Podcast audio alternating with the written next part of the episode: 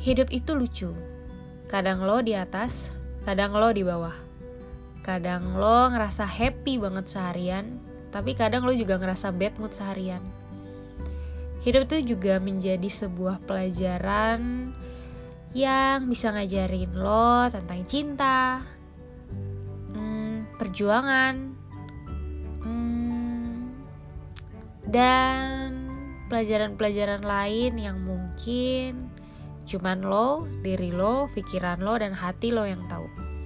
But di sini gue bakal ceritain semuanya tentang gue. So enjoy it. This is my diary.